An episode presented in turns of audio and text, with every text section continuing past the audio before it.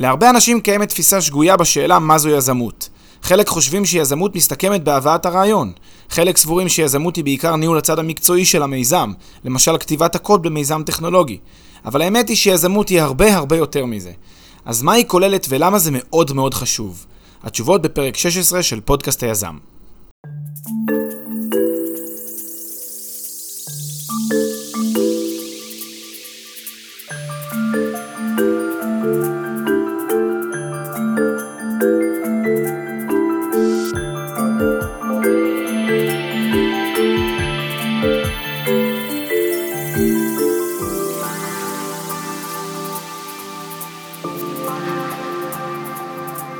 שלום לכולם, ברוכים הבאים לפרק 16 של פודקאסט היזם, אני שמח מאוד שאתם מצטרפים אליי לעוד פרק, כאן פלג דוידוביץ'. מזמין אתכם כרגיל להצטרף לקהילת המאזינים של פודקאסט היזם בפייסבוק. חפשו פודקאסט היזם בשורת החיפוש ותצטרפו לקהילה. אה, זה מקום טוב לדון, אה, להעמיק את הדברים שאני מדבר עליהם כאן בפרקים השונים של הפודקאסט, ובעיקר אני אשמח לשמוע פידבקים שלכם על הפרקים, מסכימים, לא מסכימים, מה דעתכם, אה, אשמח שתשתפו. אז פודקאסט היזם בפייסבוק. היום אני רוצה לעסוק בשאלה שהיא, אה, האמת, אה, אולי אה, מקדמית ובסיסית בכלל לפודקאסט הזה, וזה מה, זה, מה זו בעצם יזמות? מה מגדיר את, ה, את, את מה שאנחנו עושים כאן, את, ה, את עולם היזמות, או את העולם היזמי, את, ה, את התחום הזה? ואני חושב שהשאלה הזאת היא שאלה מצד אחד מקדמית, במובן הזה שהיא שאלה אה, בסיסית כזאת, שאלה שאמורה להיות, אה, ללכת אה, יחסית לשלב אה, מוקדם של הדיון שלנו, ומצד שני אני חושב שזו שאלה שכל הזמן צריכים להרהר בה, אה, וכל הזמן צריכים אה, לחשוב עליה וכל הזמן צריכים לנתח אותה כשנמצאים בתוך התהליך היזמי. והיום אני רוצה להסביר למה זה מאוד מאוד חשוב לעשות את זה. למה מאוד מאוד חשוב להבין מאוד מאוד לעומק מה זו יזמות. אה, זה נשמע משהו נורא כזה סתם אה, הגדרתי, סמנטי, אולי תיאורטי, אבסטרקטי. אני ממש ממש לא מסכים, אני חושב שיש ערך אדיר להבין את המונח יזמות כשנמצאים בתוך העשייה היזמית. זה תורם המון ליזם, ואני אומר את זה כמובן מעדות אה, ראשונה, מההתנסות האישית שלי. אה, ועל זה אני רוצה לדבר היום אה, בפרק, ואני אסביר לכם, אני אשכנע אתכם למה מאוד מאוד חשוב להגדיר נכון את המונח יזמות, ואיך זה נותן לנו את ה, בעצם את היכולת גם אה, להצליח במה שאנחנו עושים. כרגיל, בפודקאסט, בפודקאסט היזם אני מחלק את הפרק לפי כותרות כאלה, אז בהתחלה אני אדבר על הרקע לפרק. אחר כך אני אה, אציג את התפיסה הקיימת בשאלה מה זו יזמות, איך אנשים בדרך כלל מגדירים את המונח יזמות, אחר כך אני אתן את ההגדרה שלי או את ההגדרה הכוללת ליזמות. אמ, אחר כך אני אשאל את השאלה, למה חשוב? למה חשוב להגדיר נכון את המונח יזמות? ובסוף אני אסביר משהו שאני מכנה אותו גישת הצופה מהצד, ואתם כבר תבינו למה אני מתכוון בהמשך. אז נתחיל ברקע לפרק, והרקע לפרק הזה זה בעצם, אה, אני חושב, אה, אה, סוג של, אם תרצו, סוג של סינוסים יומיומיים שעובר יזם בתהליך שלו. כל יזם כשהוא נמצא בתהליך העשייה אה, יספר את הסינוסים, את רכבת הערים הרגשית, רכבת הערים העסקית, רכבת הערים האנושית שהוא חווה כמעט בכל החלטה, כמעט בכל אה, צעד ושעל שהוא עושה במהלך, במהלך הדרך. ורכבת הערים הרגשית הזאת אה, גורמת, ל, יכולה בעצם לגרום לכמה דברים. אחד זה אי יציבות אה, תפקודית וקשיי שינה וחרדות, דברים מהסוג הזה, שאני מניח שזה כבר, זה לא לסוג כזה של פודקאסט, זה לפודקאסט, אני חושב, אולי בתחום יותר פסיכולוגי, אבל אה, היא גם, היא גם אה, גורמת ליזם בעצם מאוד... אה, אה, להתמודד, היא גורמת לו בעצם להתמודד מבחינה, אה, אם תרצו, יזמית, מבחינה מקצועית, עם, ה, עם המוצר שלו, עם החברה שלו, עם העסק שלו, להתמודד. היא גורמת לו לעבור, היא גורמת לו, אה, היא עושה לו מעין צ'לנג' כזה, יומיומי. ואני חושב שהדבר הזה מחייב את היזם להיות מאוד מאוד מוגדר ביחס לעצמו, כלומר הוא חייב מאוד בחוויה שלו, אה, מאוד להגדיר נכון את מה שהוא עושה. כן, יש כאלה שיגידו שכדי שהם יוכלו לטפס על להגיע לפסגת ההר, הם חייבים שיהיה להם מטרה מאוד ברורה, והיא להגיע לפסגה. אם לא תהיה, אם לא תהיה להם את המטרה הזאת להגיע לפסגה, הם לא יצליחו. אה, וכאן באיזשהו מובן אני, אני מסכים עם הנקודה הזאת. אה, אם ליזם יש איזושהי מטרה ברורה ומוגדרת והוא רוצה להג, לה, להגשים אותה, אז אה, ברגע שהוא אה, אה, יחווה את מה שהוא חווה בדרך, הוא יגיד, אוקיי, הכל זה חלק מהגשמת המטרה. הדבר הזה מהווה את הרקע לפרק. כלומר, עצם ההבנה הזאת, עצם הסינוסים היומיומיים, הם גם מה שאני חווה. יש עליות, יש ירידות, יש תקופות קשות, יש תקופות שבהן אתה אומר לעצמך, מה אני עושה, איזה, איזה שטויות, איזו שגיאה, זה הכיוון הלא נכון, אנחנו בכלל לא במקום הנכון שאנחנו רוצים, דחייה מההוא, דחייה מההיא, זה לא רוצה, ההיא לא רוצה, לקוח שמסרב לקנות, מישהו שרוצה להשתלב ולא מוכן להשתלב, כל מיני סירובים, כל מיני דחיות וכל מיני ירידות שבעצם המיזם הזה חווה, וזה עשוי לגרום ליזם כל הזמן, כן, להרים ידיים, כל הזמן לוותר, כל הזמן להפסיק את הטיפוס במעלה ההר. אם אין לו את המטרה הזאת חזק חזק לנגד האף, אז הוא לא תמיד יצליח, אבל יותר חשוב מהכל, הוא צריך להגדיר בצורה מאוד מאוד נכונה את התהליך שהוא הולך לחוות. גם במהלך החיפוש, גם במהלך כן, החיפוש של המיזם, או החיפוש של, של איך אני משיג את המטרה של המיזם, אני צריך להיות מאוד מאוד, לעבוד לפי איזושהי הגדרה מאוד ברורה למה זו יזמות, למה התהליך שאני עובר אותו, כי זה יעזור לי בעצם לצלוח, זה יעזור לי בעצם לטפס עד לפסגת ההר, וזה מה שאני אנסה לשכנע אתכם בפרק הזה. אז זה הרקע לפרק, באמת שורה של קשיים, שורה של אתגרים שאני מתמודד איתם, אבל מתמודד איתם למעשה מדי בוקר, לצד האתגרים גם יש הצלחות, כן? אבל הדברים האלה הם כמעט יומיומיים, אז, אז אי אפשר להתעלם מזה. ואני חושב שזה מחייב את, ה, את ההתמודדות עם השאלה איך אנשים בעצם תופסים מה זו יזמות, לפחות לדעתי, ומה זו יזמות לדעתי, בכל זאת. אז אני אתחיל קודם כל מה אנשים תופסים לגבי יזמות. אני חושב שאנשים רואים יזמות כאיזשהו עניין שהוא אה, טכני כזה, צ'קליסטי. צ'קליסטי במובן של יש איזושהי הגדרה, ויש וים שצריך לסמן בהגדרה, ואם זה, זה תופס את ההגדרה, זו יזמות, כן? זה תפיסתם. אז למשל, אנשים חושבים שיזמות זה הבאת הרעיון. או אנשים חושבים שיזמות זה פיתוח אב טיפוס או פיתוח המוצר הראשוני. או גיוס הצוות, או אה, מצגת, או, או הכנת מצגת או תוכנית עסקית. כלומר, הם חושבים, אוקיי, בואו נכין רשימה, יזמות זה 1, 2, 3, 4, 5. אלה הדברים שכוללים יזמות. אה, אני טוען שתי טענות ביחס לזה. אחד, כל אחד מהדברים האלה שמופיעים בצ'קליסט הזה הוא לא תנאי הכרחי ליזמות. כלומר, גם אם מישהו יגיש לי צ'קליסט שאומר זה יזמות מבחינתי, אני אגיד לו, אפשר להצליח ביזמות גם בלי אה, סעיף 5, 8 ו-14. אפשר להצליח מעולה ביזמות גם בלי שיש רעיון טוב, גם בלי שיש, שפיתחת משהו במוצר, לא כתבת כלום, לא הכנת אב טיפוס, גם בלי שגייסת צוות, יכול להיות מיזם של איס אחד שיצליח, וגם בלי מצגת או תוכנית עסקית, וגם בלי הרבה דברים אחרים. כלומר, כל שורה בצ'קליסט שמישהו יביא לי, אני יכול להגיד לו, אפשר גם בלי זה. לכן למעשה כל אחד מהתנאים שאנשים מדמיינים כשהם חושבים על יזמות, אפשר בלעדיהם, הם לא תנאי הכרחי. אני כופר בהנחת התנאים ההכרחיים להצלחה של יזמות. זה דבר ראשון. אה, אז, אז למעשה תיאורטית, מהתפיסה שלי, יזם יכול להצליח לעשות אחלה מיזם, גם כשהוא נמצא רגל על רגל בחוף הים. זה מבחינתי אפשרי, אם... אה, אם הוא עשה מה ש... כן, אם המיזם שלו יצליח, ואני תכף אגדיר איך אני חושב ש... אה, מה יזמות, ואם היא מקיימת את ההגדרה שלי ליזמות, אז אפשר גם להיות רגל על רגל בחוף הים ועדיין להקים מיזם טוב. אוקיי, אז לכן, אה, לא, כל אחד מהיסודות האלה הוא לא תנאי הכרחי, זה אחד. ומצד שני, כל אחד מהם הוא גם לא תנאי מספיק. אוקיי? זאת אומרת, גם לא מספיק שאני אגייס צוות טוב. אני יכול לגייס צוות מעולה ולא להצליח. גם לא מספיק שיש לי רעיון טוב. אני יכול להיות שיש לי רעיון מצוין והוא לא יצליח. יכול להיות שיש לי אה, תוכנית עסקית מעולה, מאוד מפורטת לא, וזה לא יצליח, המוצר. לכן, אה, אה, כל אחד מהם הוא לא תנאי מספיק, והוא גם לא תנאי הכרחי. ולמעשה, זה מוביל אותי להבנה שההגדרות שהרבה אנשים משתמשים בהן כדי להגדיר מה זו יזמות, הן שגויות. כשאנשים אומרים יזמות זה 1, 2, 3, 4, 5, אני אומר, זו שגיאה, זה לא נכון. זה לא נכון כי אפשר להצליח בלי ההגדרות שמנית, וגם אם היית מונה את ההגדרות שציינת אותן, זה לא תנאי מספיק. זה לא אומר שזאת ה... שזה המפתח להצלחה. לכן, צריך להבין שיש כאן קצת משהו יותר מתוחכם, משהו יותר עמוק בהגדרה של מה זו יזמות, וכאמור, אפשר להגיד עכשיו, שוב, אה, זה רק סמנטי, מה זה כבר משנה, אז אני בהמשך הפרק אסביר מה זה משנה. עכשיו אני רוצה רגע להגדיר מה, איך אני תופס יזמות. ואני תופס יזמות בצורה יותר כוללנית, אם תרצו, הוליסטית, מכלולית כזאת, ואני אומר שיזמות זה כל מה שהיזם עושה במטרה שהמיזם שלו יצליח במונחים שלו, של אותו אה, יזם, אוקיי? כל פעולה שהיזם עושה היא חלק מהיזמות.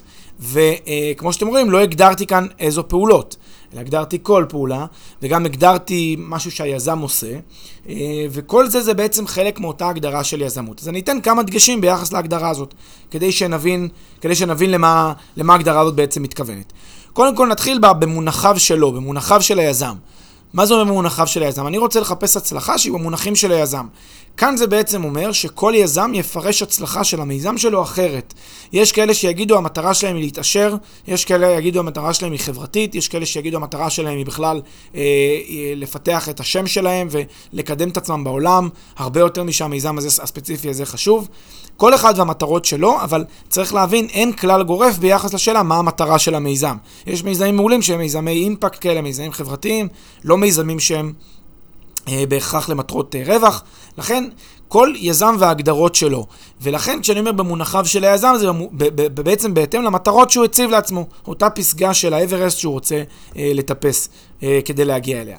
אז זה בעצם ההגדרה ל... אה, אה, אה, זה בעצם אה, ההגדרה במונחיו של היזם.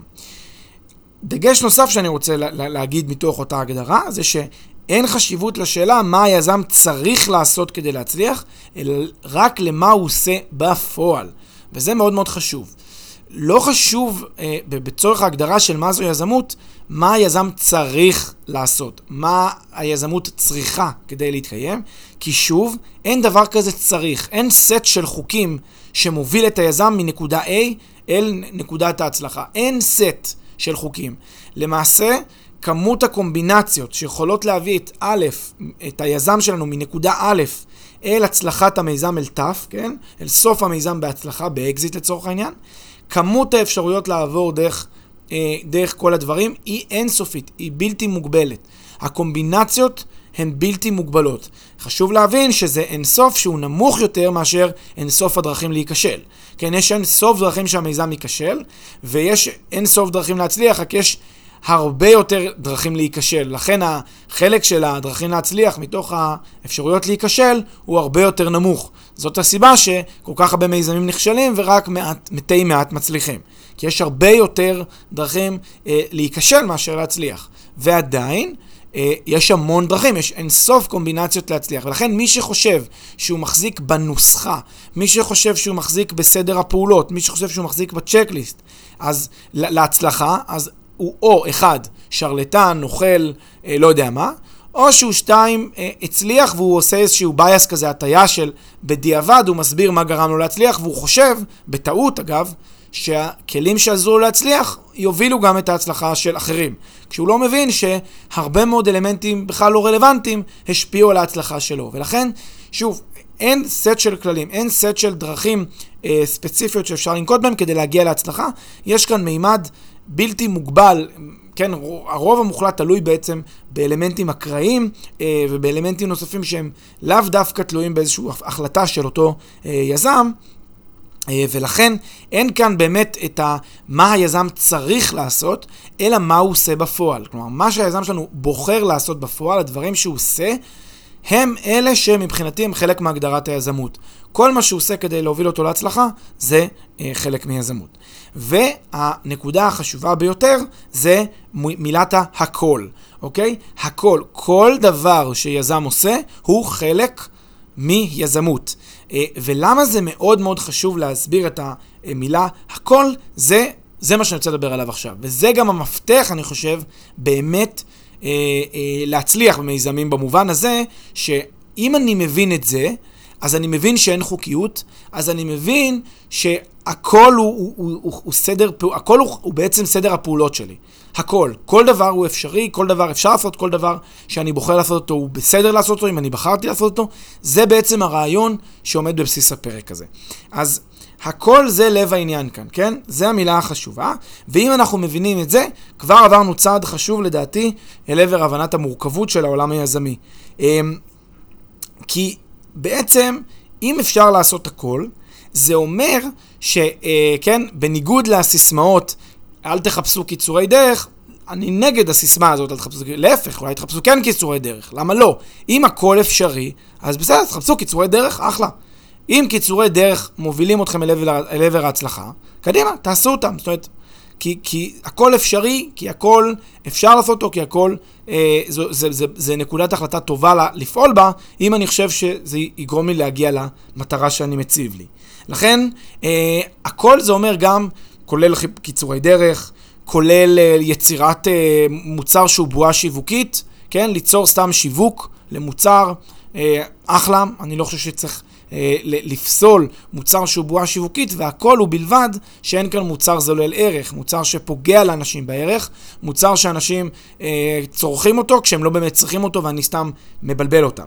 זה אני לא אוהב, אבל אם אני יוצר מוצר שהוא בועה שיווקית, אחלה, אז, אז סבבה, מה, מה הבעיה בזה? זאת אומרת, להגיד שצריך לקחת מוצר רק אם הוא נותן לאנשים value אה, ענק ומשפר את חייהם בצורה דרמטית ו- ועושה הוקוס פוקוס בעולם, אני לא חושב שזה תנאי, זה שוב יכול אולי לעזור, לא תנאי, לכן זה חלק מהכל. כל דבר שהיזם בוחר לעשות זה חלק מהיזמות, אם זה מוביל אותו לדעתו אל אותה הצלחה.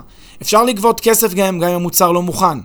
כן? אפשר להחליט לא, שלא גובים כסף בכלל. זה אפשרי וזה אפשרי. אה, אני יכול להחליט שאני בונה מוצר, כולו חינמי. למה? כי אני בונה על traffic, ואני יכול להחליט שיש מוצר שהוא לא חינמי כולו.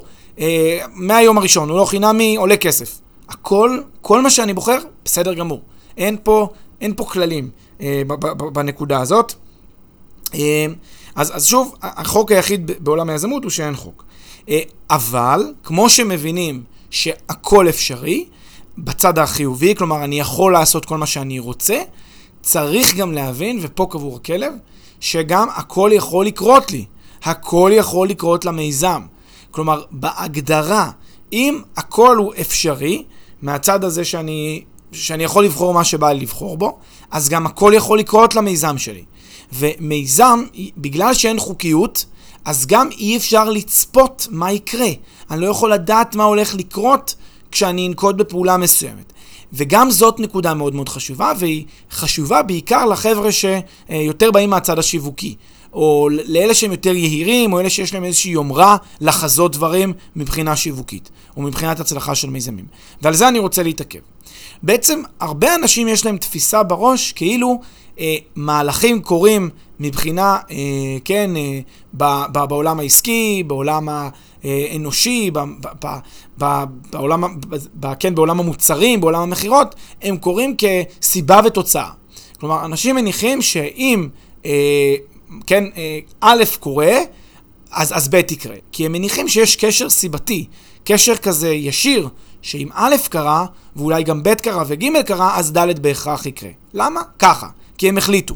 אה, והם יכולים אפילו להביא אולי מחקר ולהגיד, כן, הנה, יש פה הרבה מיזמים, ובדקתי מתוך 100 מיזמים, וראיתי שא', ב' וג' קרו, אז גם ד', ד' קרה בעקבותיהם, ולכן יש פה איזושהי סיבתיות. אני רוצה, מה שנקרא, להזהיר מאוד בין הבלבול שבין אה, סיבתיות לבין קורלציה. אני חושב שהרבה מאוד פעמים הט... הטעות המרכזית של כל אותם נביאים, של כל אותם אנשים שהם אה, אה, עם בעלי תפיסות, כאילו שיש קשר בין א' לב', אני חושב שהרבה מאוד פעמים הם מבלבלים בין דברים שהייתה ביניהם קורלציה. כלומר שהם קרו במקביל, לבין דברים שהייתה פה סיבתיות. ולמה? כי אני חושב שאותם אנשים אה, בגלל שהם עושים את, אותה, את אותו היסק של זה גרם לזה, אז הם יגרמו לאחר פשוט לוותר על דברים שאולי מוטב היה שהוא בוחר בהם.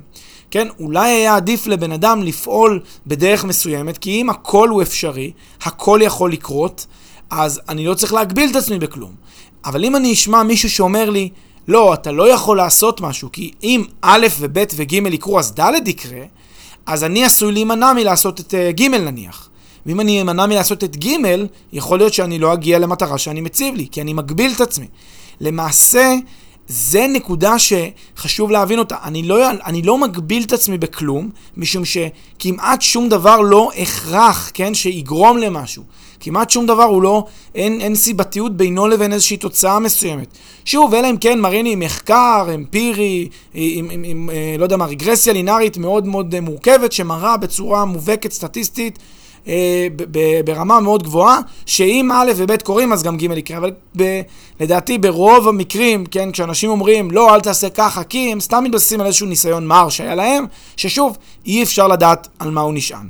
התפיסה שלי היא קצת יותר, לא יודע מה, אולי מפוקחת, אולי פחות יומרנית בהקשר הזה, והיא אומרת ששוב, אין חוקיות, ולכן במובן מסוים, מאחר שאין חוקיות, והכל יכול לקרות, אז גם צריך להבין שלא יעזור להימנע מפעולות מסוימות כדי לצמצם איזושהי השפעה רעה, לא יעזור להימנע, לא, לא, לא, לא יעזור לקבל כל מיני החלטות, של, להגיד על החלטות שהן שגיאה, לא יעזור, זה לא יעזור כי זה שאני אומר שהיא שגיאה לא מבטיח שהיא שגיאה, לא מבטיח שזה שגוי, לא מבטיח שזה לא נכון לעשות משהו בדרך מסוימת. זה פשוט לא נכון.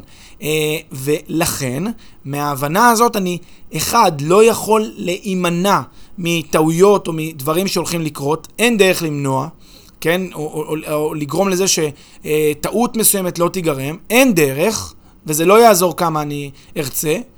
Uh, ושתיים, יותר חשוב מכך, אה, מאחר שאין דרך למנוע טעויות, טעויות הן למעשה הכרח, הן חלק מהמיזם, הן חלק מה, מה, מהעשייה. לכן, כאילו, אם יש מישהו ברקע שכל הזמן קורא להימנע מטעויות, הוא פשוט לא מבין מה זה יזמות. הוא פשוט לא מבין מה זו יזמות. הוא לא מבין שאי אפשר למנוע טעויות, ושאי אפשר לדעת מה הולכת להיות טעות ומה לא הולכת להיות טעות, ולכן, אם הוא לא מבין את זה, אין שום משמעות למה שהוא אומר.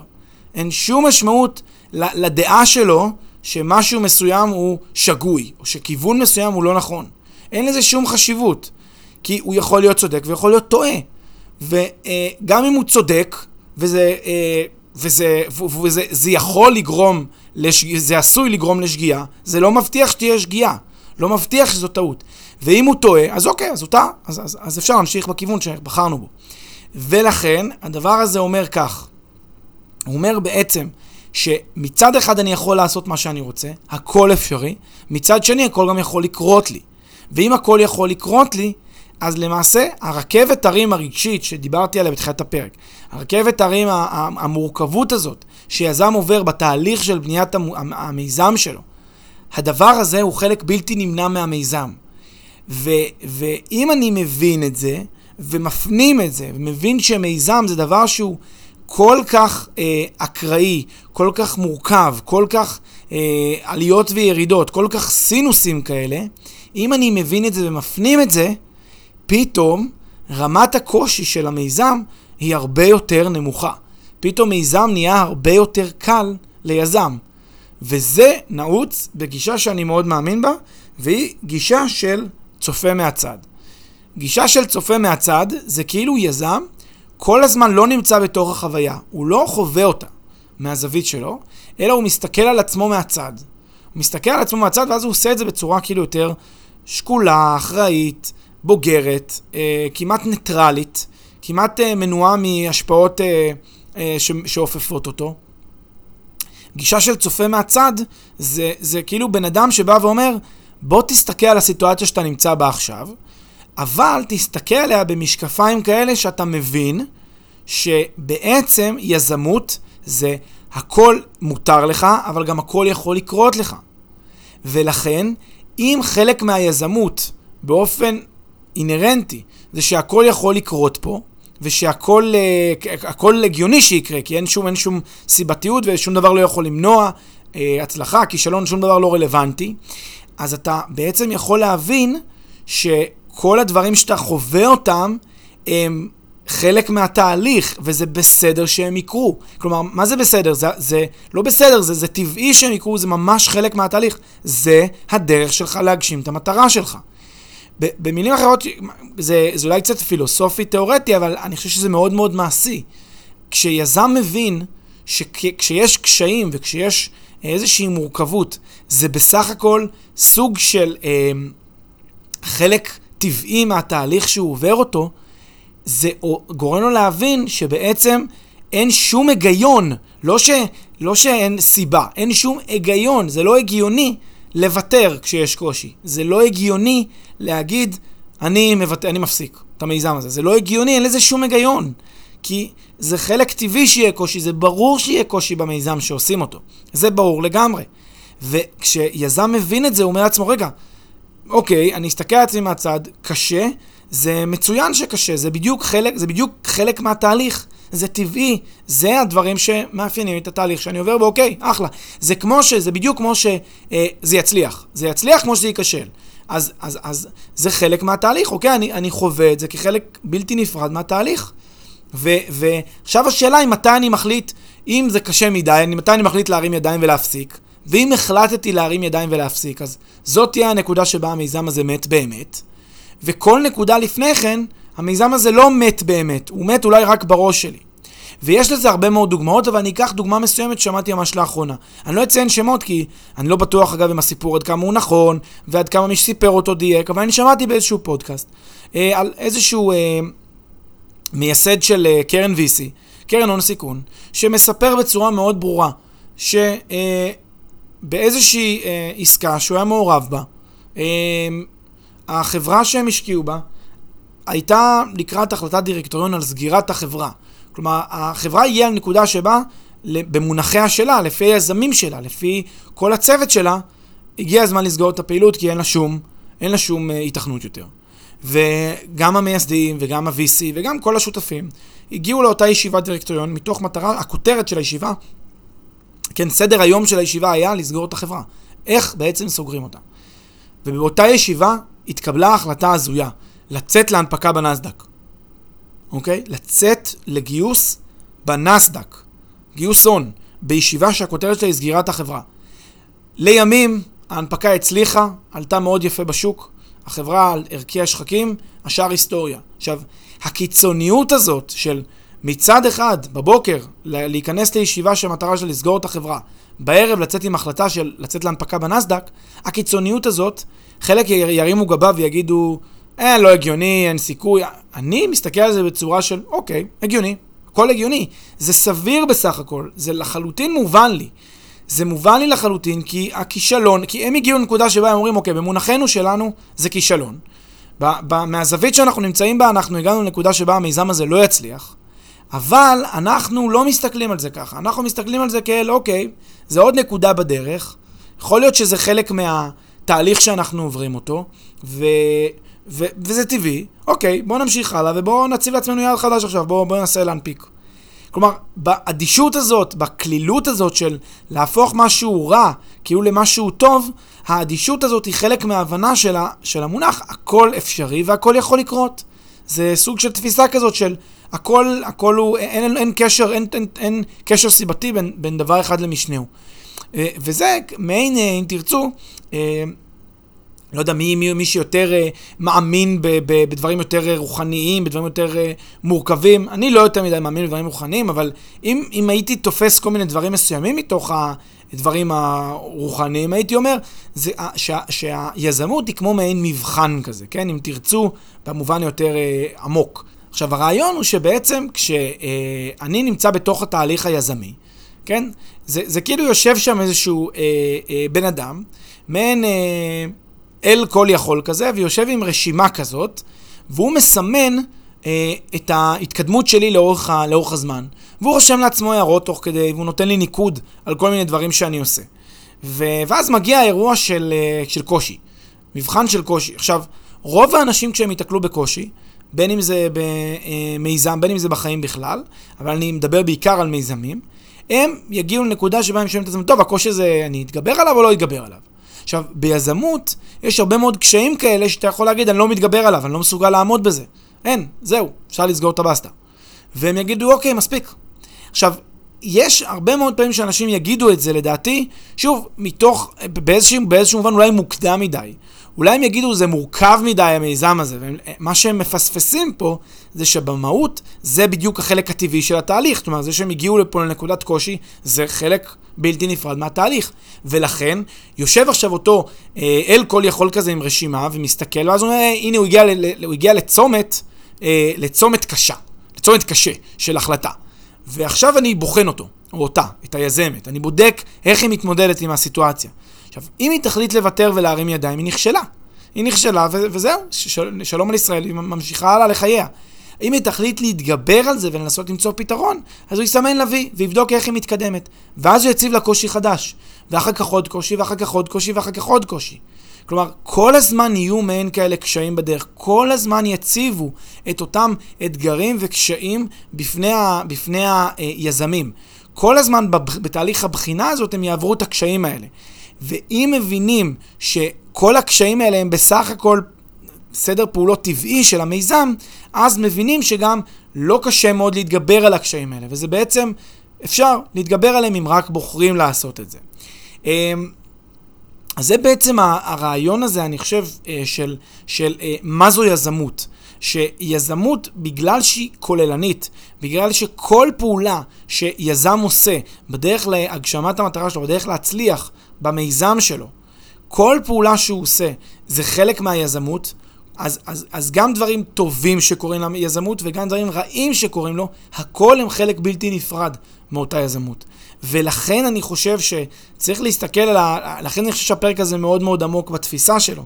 כי זה בעצם פרק שאומר, אין אה, שום דבר שאני יכול לעשות כדי למנוע את הקשיים, או כדי למנוע דברים שלא טובים במיזם. אין שום דבר שאני יכול לעשות כדי למנוע. והם פועל יוצא של היזמות עצמה. לכן אני חייב להמשיך בדרך שאני מאמין בה, וזה פשוט אה, צעד טבעי בדרך. צעד טבעי במעלה ההר. אז מאוד מעניין אותי לשמוע תגובות שלכם, גם על הפרק הזה, גם על פרקים אחרים של פודקאסט היזם. מאוד מאוד חשוב לשמוע גם פידבקים אה, וגם רשמים שלכם, אם יש לכם משהו מהניסיון שבא לכם לשתף. אשמח מאוד לשמוע, ואני מניח שיש לנו גם אה, מאזינים נוספים שישמחו לשמוע. אז תצטרפו לקהילת המאזינים של פודקאסט היזם, חפשו פודקאסט היזם בפייסבוק, ותצטרפו לקהילה. אה, ועד אז, מאוד מודה לכם על ההאזנה לפרק, ולהתראות בפרק הבא של פודקאסט היזם. thank you